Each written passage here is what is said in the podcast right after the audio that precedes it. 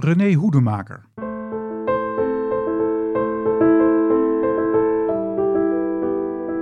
Uit de oorlogsverslagen van het klooster.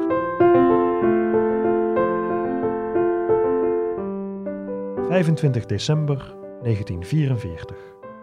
Voor de nachtmis waren 428 plaatsen besproken. De tribune was voor spitters, het Maria-altaar voor evacuees gereserveerd. Solist was René Hoedemaker uit Eindhoven, die op vakantie in Rotterdam tijdens razzia's gegrepen werd voor transport naar Duitsland, maar wegens ziekte in Zwolle was achtergebleven. Met zijn prachtige tenorstem verhoogde hij de verheven sfeer van deze kerstnacht.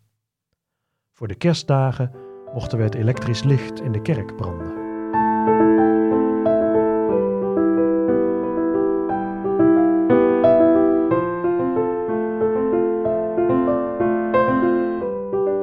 Bijzondere kerstnacht met bijzondere gasten.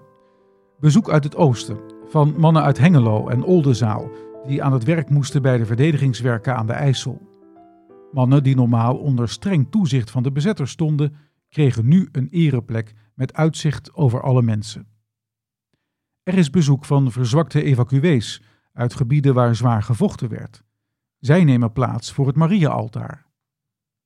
Een man met een prachtige stem, René Hoedemaker, is door vreemde wegen in Zwolle terechtgekomen en laat nu met kerstmis zijn talent klinken.